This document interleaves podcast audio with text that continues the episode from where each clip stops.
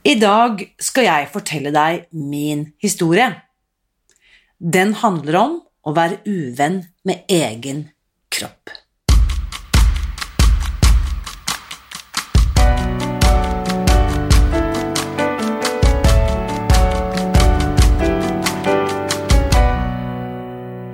Mitt navn er Irina Li. Jeg er journalist og forlegger, gründer og sosialentreprenør.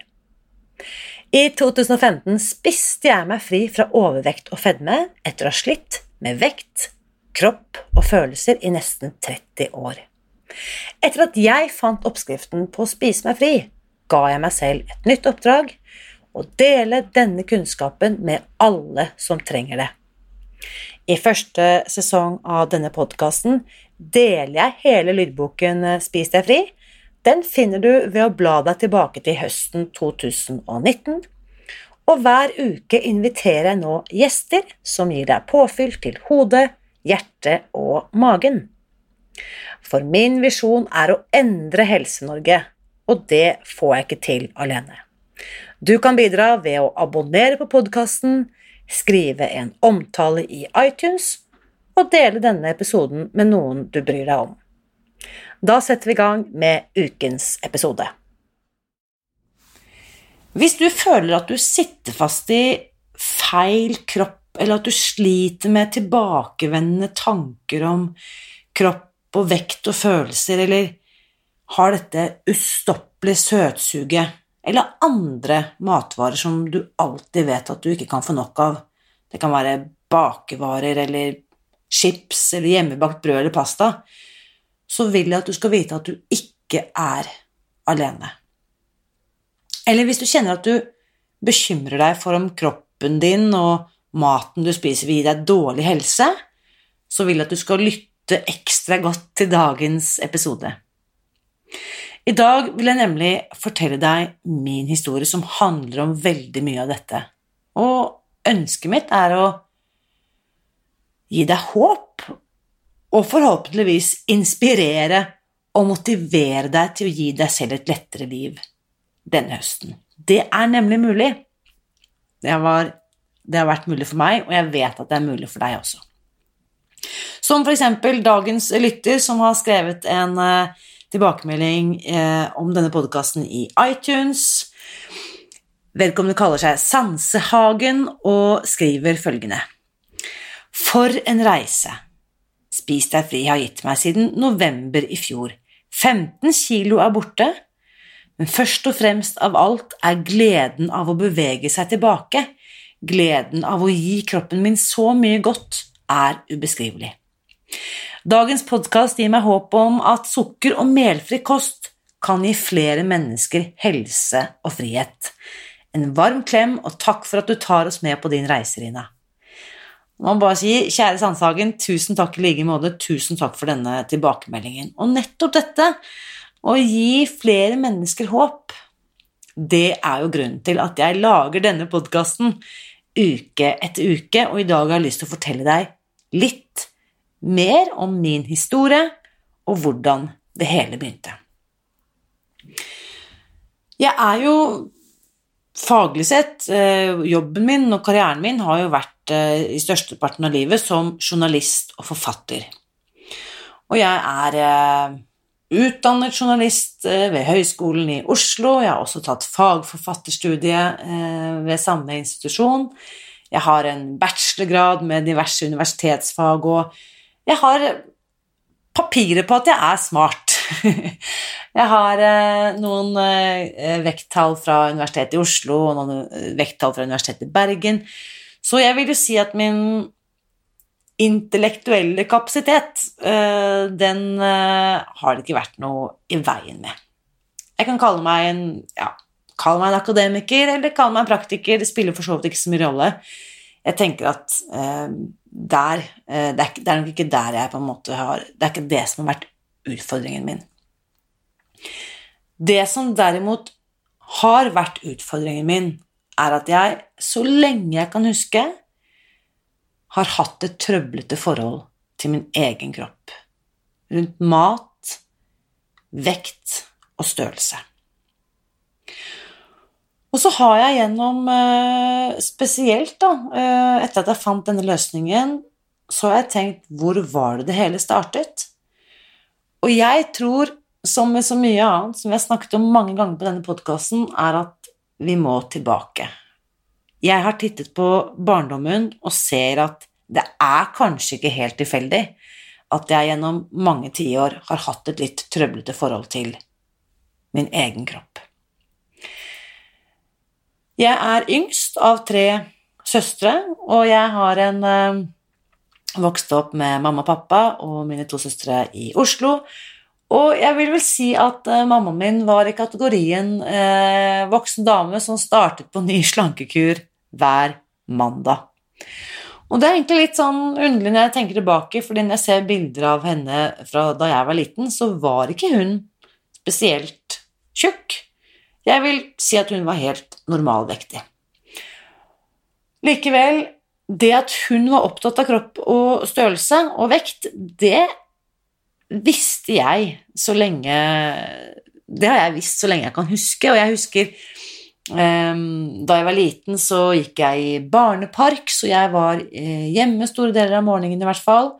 Jeg gikk vel i barnepark fra ti om formiddagen til klokken to, så det var bare noen få timer hvor jeg var i parken, og ellers var jeg hjemme sammen med mamma, som på det tidspunktet var hjemmeværende.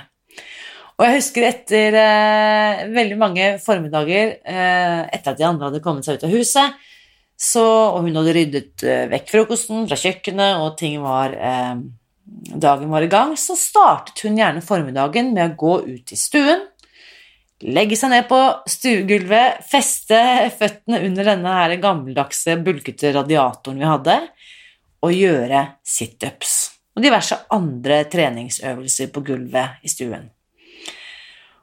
Da tipper jeg at jeg kan ha vært tre, fire, fem år gammel, så dette er faktisk noen av mine aller første barndomsminner, hvordan mamma lå på stuegulvet og gjorde eh, forskjellige treningsøvelser.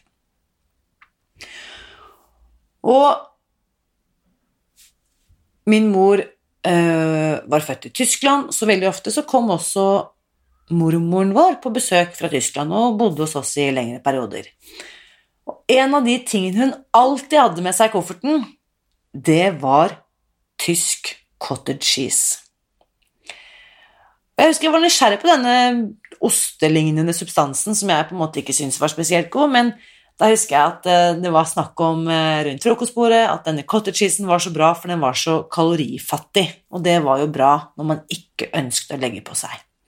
Jeg vet ikke hvorfor denne cottage cheesen ble importert fra Tyskland. Kan være at ikke det fantes i Norge på 70-80-tallet, det, det vet jeg ikke, men jeg vet i hvert fall at det å være opptatt av hva man putter i munnen, for å sørge for at eh, vekten ikke skulle gå opp, det var noe jeg lærte Fikk inn med morsmelken, øh, nærmest. Og øh, hvis min mor var normalvektig, så kan vi i hvert fall trygt slå fast at mormor, hun var veldig, veldig tynn. Og det var veldig komisk, for hun spiste enorme mengder meierismør og seterømme og spiste masse egg det skulle også vise at hun hadde veldig høyt kolesterol, men hun hadde i hvert fall en veldig slank kropp, til tross for at hun spiste mye fete meierivarer. Og jeg husker også at mamma og mormor hadde en del samtaler som måte, vi fikk med oss, eller i hvert fall jeg fikk med meg, som handlet nettopp om dette at nå må vi passe på vekten, og vi må være bevisst på hva vi spiser, og det er viktig å være slank. Det var et ideal. Så jeg tipper at jeg kanskje var rundt ti år gammel da jeg for aller første gang slanket meg. Eller bestemte meg for å gjøre endringer med hva jeg spiste, eh, med mål om å gå ned i vekt eller bli tynnere. Og det skulle bli starten på hele tre tiår med ganske kjipe erfaringer, mye skam, mye følelse av nederlag og mye hemmelighold. For dette er det selvfølgelig ingen som får vite noen ting om. Ingen vet når jeg er ti år at nå gjør jeg grep for å eh, endre kroppen min. Dette skjer i dypeste hemmelighet. Det som er ekstra tragisk, det er når jeg ser tilbake på bilder av meg selv da jeg var ti. Det er jo at jeg ser et barn som ikke er overvektig. Jeg var ikke eh, spesielt tjukk. Kanskje var jeg litt større enn venninnene mine, men det er jo sånn med barn i den alderen at noen vokser i bredden først, noen strekker seg i høyden. Jeg var kanskje litt bredere enn noen av mine venninner. Og når jeg også som mor selv har lært om hvordan barn vokser, og hvordan denne her normalfordelingen ser ut, så er jeg helt 100% overbevist om at jeg var godt innenfor eh, normalvektig-kategorien, og godt innenfor disse persentilene som finnes for eh, barns høyde og vekt. Uansett, inni mitt hode hadde jeg blitt tjukk. Opp gjennom eh, ungdomsårene, og kanskje spesielt på videregående, så forsøkte jeg veldig mye som jeg ikke vil anbefale noen andre å eh, forsøke seg på. Og det var alt, ikke sant, fra kaloritelling, spise bare ekstremt lite, til å spise ekstremt kalorifattig mat. En lang periode så levde jeg, føler jeg, på kokt blomkål. Um, jeg prøvde også diverse produkter, eh, pulverkurer, shaker, måltidserstatninger, sånne ting.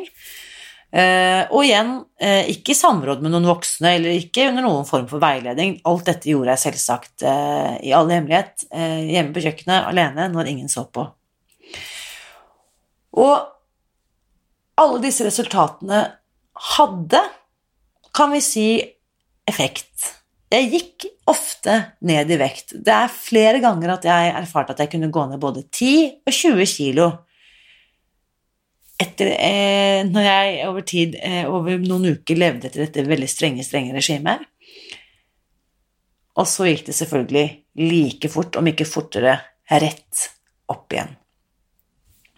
Så det er flere som har eh, beskrevet denne syklusen av å slanke meg tjukk og det var akkurat det jeg gjorde gjennom disse årene. Jeg slanket meg tjukkere og tjukkere.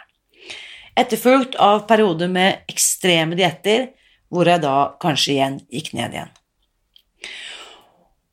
Og det jeg ser på En ting er kroppen som gikk opp og ned. Det som kanskje gjør vondere å tenke tilbake på i dag, 30 år, 20 år, 10 år etterpå, er hvordan jeg sensurerte meg selv fra mitt eget liv. Opplevelser jeg nektet meg selv å ta del i, nettopp på grunn av skammen jeg følte rundt utseende og kropp og størrelse. Det var i ungdommen og i tidlig 20-årene, så kan det ha vært sånne ting som at jeg eh, kanskje var redd for å gå på date, eller redd for å på en måte eh, delta i aktiviteter hvor det kunne være snakk om at jeg kunne bli sett eller vurdert ut fra kroppsstørrelse. Et, et, veldig godt eksempel var da jeg eh, som eh, jeg var par og 20 år gammel, var på en fantastisk reise i Afrika. Vi hadde vært et par måneder i det sørlige Afrika og var nå i Mosambik. Og jeg husker at et av mine store mål for den turen var å hoppe i strikk. Det var et sånt eh, veldig kjent uh, juv, uh, en uh, dyp dal hvor det gikk en elv helt nederst i denne dalen, hvor det var spent opp en bungee jumping, strikkhopping, på broen som gikk over dette juvet.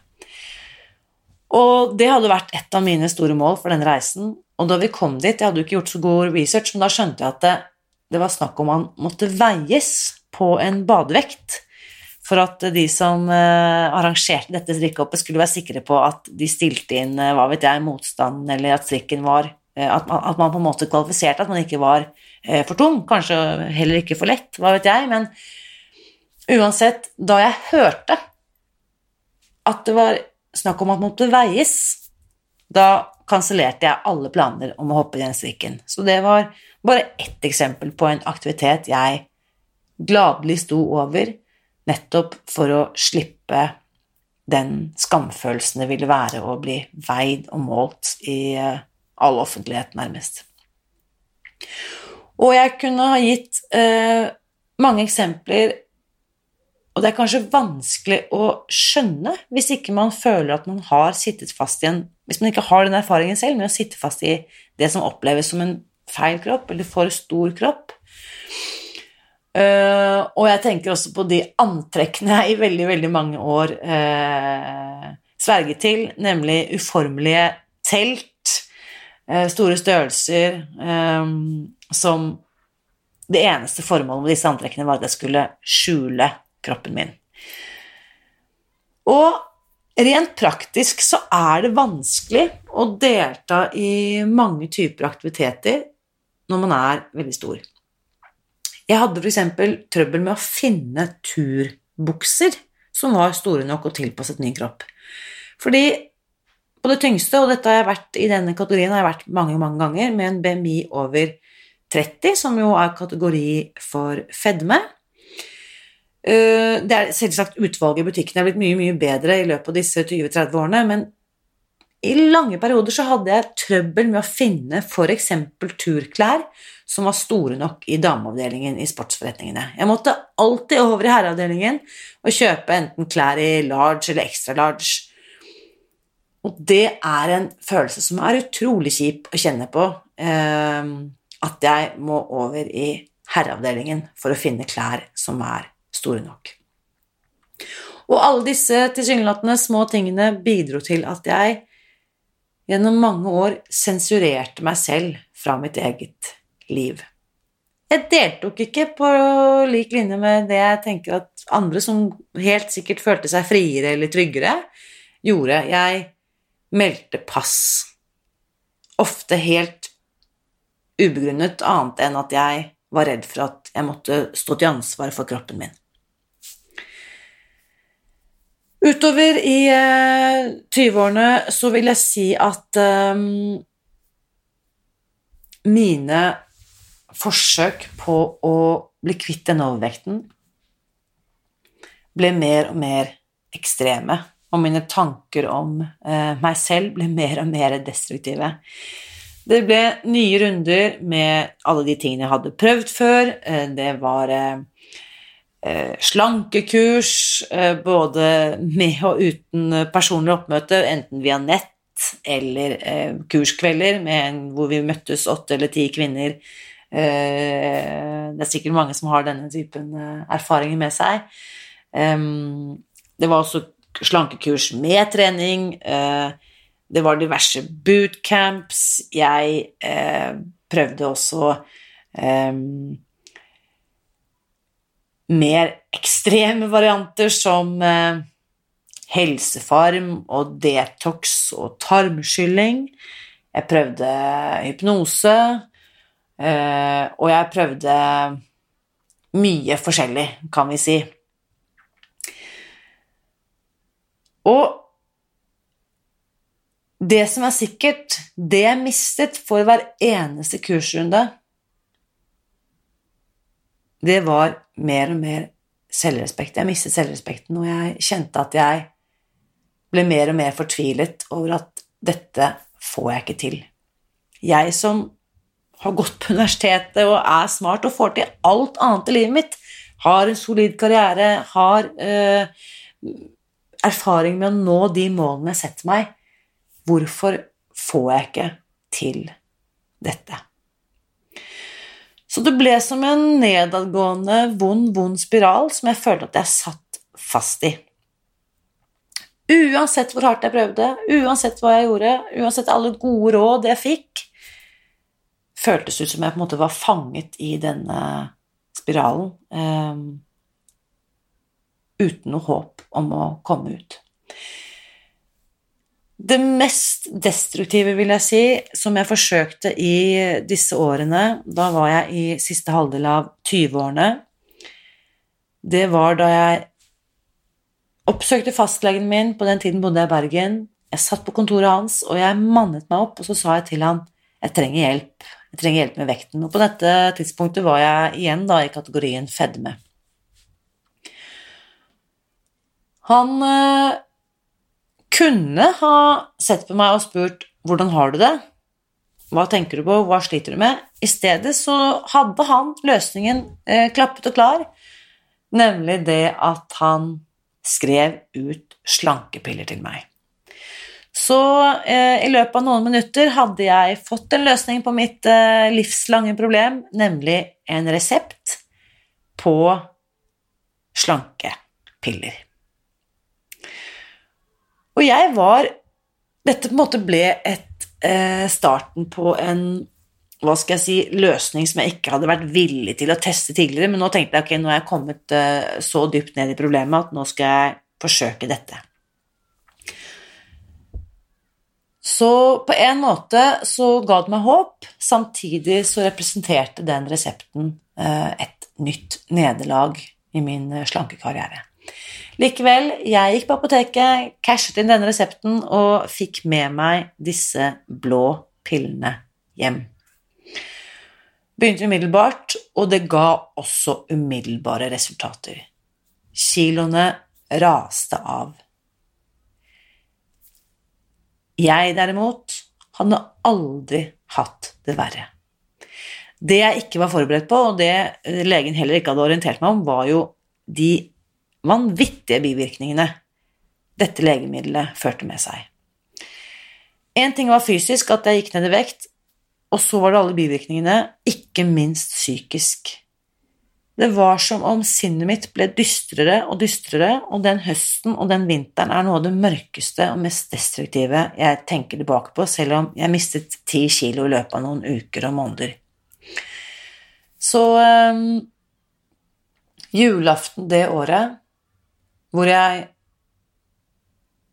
da hadde opplevd, som jeg hadde opplevd mange ganger som en konsekvens av disse eh, slankepillene, nemlig at jeg ikke klarte å kontrollere, eh, holde meg til jeg kom på do, nemlig at eh, Ja, bokstavelig talt at jeg opplevde at jeg faktisk bæsjet på meg. Den julaften skjedde det igjen, fordi at jeg da hadde spist et måltid som ikke var helt i, i tråd da, med retningslinjene for dette legemiddelet. Jeg hadde rett og slett spist for mye fett, og det førte da til at dette fettet rant rett og slett tvers gjennom hele systemet. Så jeg satt inne på det toalettet um, og gråt og bare kjente fortvilelsen av at det er ikke sånn det skal være. Dette kan jeg ikke fortsette med. Så heldigvis, takk og lov, så hadde jeg forstand nok til å slutte på de grusomme slankepillene som jeg av, eh, med viten og vilje ikke sier navnet på. Jeg vet at de fortsatt finnes der ute, eh, og jeg virkelig håper at ingen eh, tyr til den løsningen, fordi eh, det er en skjebne som jeg ikke unner noen andre. Og dette er noe av dilemmaet ved behandling av overvekt og fedme i Norge per i dag, 2020. Uh, nesten 10-15-20 år etter at jeg hadde denne opplevelsen i, i Bergen tidlig på 2000-tallet. Løsningene som i dag tilbys, er jo løsninger som ikke er varige. Vi kan jo begynne med eh, disse slankepillene, det er jo, ikke sant, igjen Med en gang jeg sluttet på pillene, så gikk jo selvfølgelig vekten rett opp igjen, og jeg ble jo tjukkere enn det hadde vært noen gang. Den andre eh, løsningen som også måte Helse-Norge har i ermet, det er jo tilbudet om eh, fedmekirurgi, og det er jo også mulig å få utført privat. Og jeg skal innrømme det at eh, det er flere enn én en gang at jeg har googlet på um, løsninger knyttet til fedmekirurgi, for jeg var jo tung nok, jeg kvalifiserte jo til denne typen uh, kirurgisk inngrep da jeg var på mitt tyngste. Og det tenker jeg også er et uh, inngrep som for mange er livsviktig og, og, og, bidrar til bedre helse, men jeg tenker også at det er et inngrep som bør, bør være forbeholdt de få. Og så har vi da selvfølgelig gullstandarden i, eh, i eh, helsehjelpen som gis i regi av Helse-Norge. Det er nemlig rådet om å spise mindre og bevege seg mer. Og det er vel kanskje dette rådet jeg kjenner provoserer meg aller, aller mest, for det har forskerne gjennom flere tiår vist gang på gang at ikke fører til varig vektendring. Faktisk er statistikken sånn, og dette er så hårreisende tall at det kan gjerne gjentas. Én av hundre som spiser mindre og beveger seg mer, klarer å gå ned all sin overvekt og komme seg ned i normalvekt i løpet av ett år. Det er altså én av hundre, 1% som lykkes med det. Av disse veldig, veldig få så er det kun én av hundre som har denne samme vekten, og som fortsatt er normalvektig syv år senere. Det vil si av én av 10 000 mennesker som starter med dette opplegget i dag, og spiser mindre og beveger seg mer for å gå ned all sin overvekt, vil kun én av 10 000 fremdeles være normalvektig om syv år. Det tenker jeg, eh, med mine begrensede mattekunnskaper, er definisjonen på mislykket. Én av 10 000 viser at dette rådet ikke fungerer. Når det gjelder det rådet om, eh, om økt aktivitet og trening, gjett om jeg trente. Spesielt det siste tiåret da, før jeg på en måte fant denne Spis deg fri-løsningen. Jeg trente og jeg trente og jeg trente tett etter barnefødsler for å gå ned i vekt. Jeg trente med og uten personlig trener. Jeg fulgte all verdens treningsopplegg eh, for å eh, lykkes med mitt store prosjekt, nemlig å gå ned i vekt. Jeg har løpt ikke bare ett halvmaraton, men jeg har løpt to halvmaraton. Jeg har løpt flere titalls kilometer hver uke for å håndtere stadig økende vekt. Det er ikke en bærekraftig løsning. Ja, jeg ble i kjempegod form.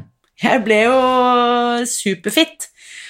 Og jeg kvalifiserer vel til det amerikanerne så nådeløst eh, kaller fit but fat. Jeg var overvektig og også i kategorien fedme og supersprek. Og kanskje bidro det til at jeg ikke fikk noen andre helseplager knyttet til overvekten min, for der har jeg vært heldig.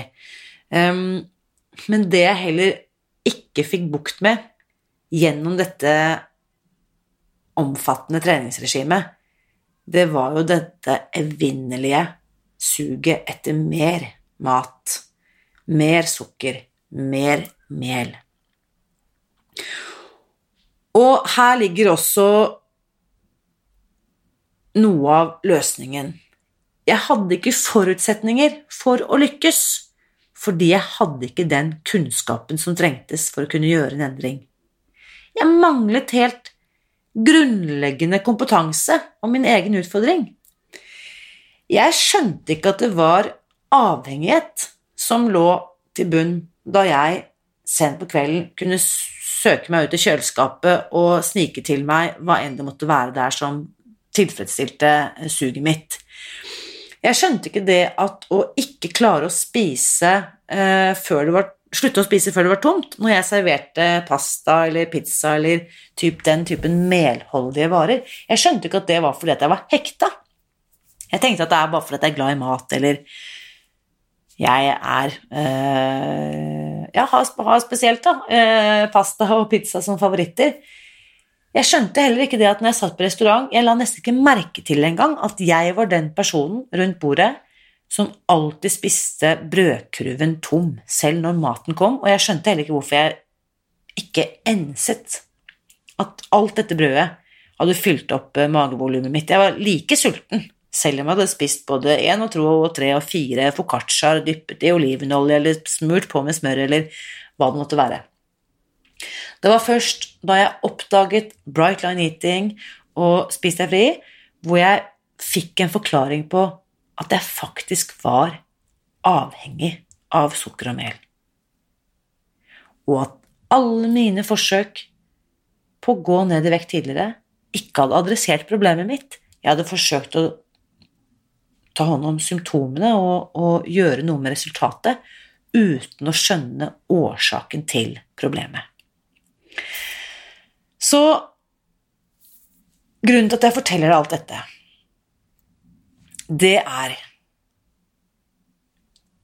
Jeg har tro på, hvis du får vite at du ikke er den eneste som sliter med ustoppelig søtsug eller stadig eh, tilbakevendende vektoppgang etter diverse slankekurer, eller at du opplever at kostholdet ditt og forholdet ditt til mat gjør deg eh, i fare for å utvikle dårlig helse, eller at du kanskje allerede har eh, utviklet eh, kostholdsrelaterte helseplager, så finnes det håp.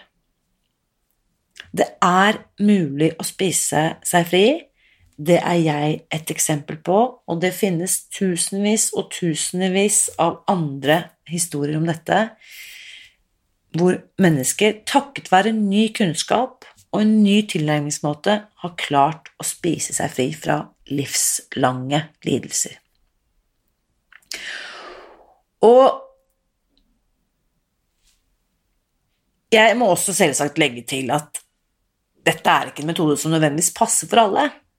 Jeg vil si at det passer spesielt godt for deg hvis du har prøvd alt annet på planeten for å gå ned i vekt, kanskje bortsett fra Til og med hvis du har gjennomgått eh, fedmekirurgi allerede, men at du fortsatt ikke føler deg fri, eller at du kanskje mange av kiloene har kommet tilbake, eller, eller hvis du vet med deg selv at du har prøvd alt som finnes eh, av tilgjengelige kurs og tilbud, så kan det være at Problemet rett og slett er at du har forsøkt feil løsning. Eller hvis du bare kjenner at du har kanskje ikke noe vektutfordring, men kanskje at du kjenner denne dette ustoppelige søtsuget, at du opplever at du er hekta, at du er, eller at du er sukkeravhengig, så vil jeg også invitere deg til å sjekke ut denne metoden nærmere. Og jeg har nå bestemt meg for å gi deg en gjøre terskelen for at du skal komme i gang, så lav som overhodet mulig. Og inviterer deg nå til å bli med på et eh, nettkurs som jeg har kalt To uker. Du blir med helt gratis, helt uforpliktende. Her får du muligheten til at jeg hjelper deg i gang. Jeg holder deg i hånden gjennom 14 dager og gir deg hver eneste dag en bitte liten oppgave for at du skal komme i gang én dag om gangen, så får du en e-post fra meg som forteller deg hva du skal gjøre. Og denne eh, eh, muligheten er eh, kun tilgjengelig nå, eh, akkurat nå, når du hører dette, eh, i eh, september 2020. Så bli med nå. Jeg må bare tenke 6. september, søndag 6. september, når dette sendes, da har du fortsatt muligheten til å melde deg på. Så gå inn på www.spisdegfri.no skråstrek to uker. Og hvis du trenger enda et argument for å komme i gang nå, så viser jo forskningen at det er enklere og mer effektivt å få til livsstilsendringer hvis du gjør det sammen med andre. Du øker sjansene dine for å lykkes når du gjør det sammen med noen. Og du trenger ikke å få til dette alene. Bli med på dette nettkurset to uker nå, så gjør vi dette sammen. Én dag om gangen. Og du melder altså på ved å gå til www.spisdegfri.no to uker. Neste uke så uh, skal jeg fortelle deg litt mer om hva som gjør denne uh, metoden så effektiv. Men aller først, altså Du har all den kunnskapen du trenger uh, for å komme i gang. Og det er jo det største og det viktigste, og kanskje det vanskeligste skrittet å ta. Det er nemlig det aller første skrittet. Så her har jeg rett og slett høvlet vekk eh, alle hindringer. Nå er det bare rett og slett å gå inn på spissdegfri.no to uker og komme i gang.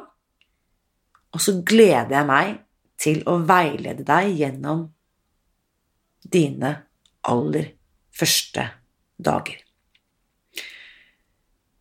Fordi uansett hva du velger å gjøre for å gi deg selv et lettere liv, så vit også at jeg heier på deg alltid.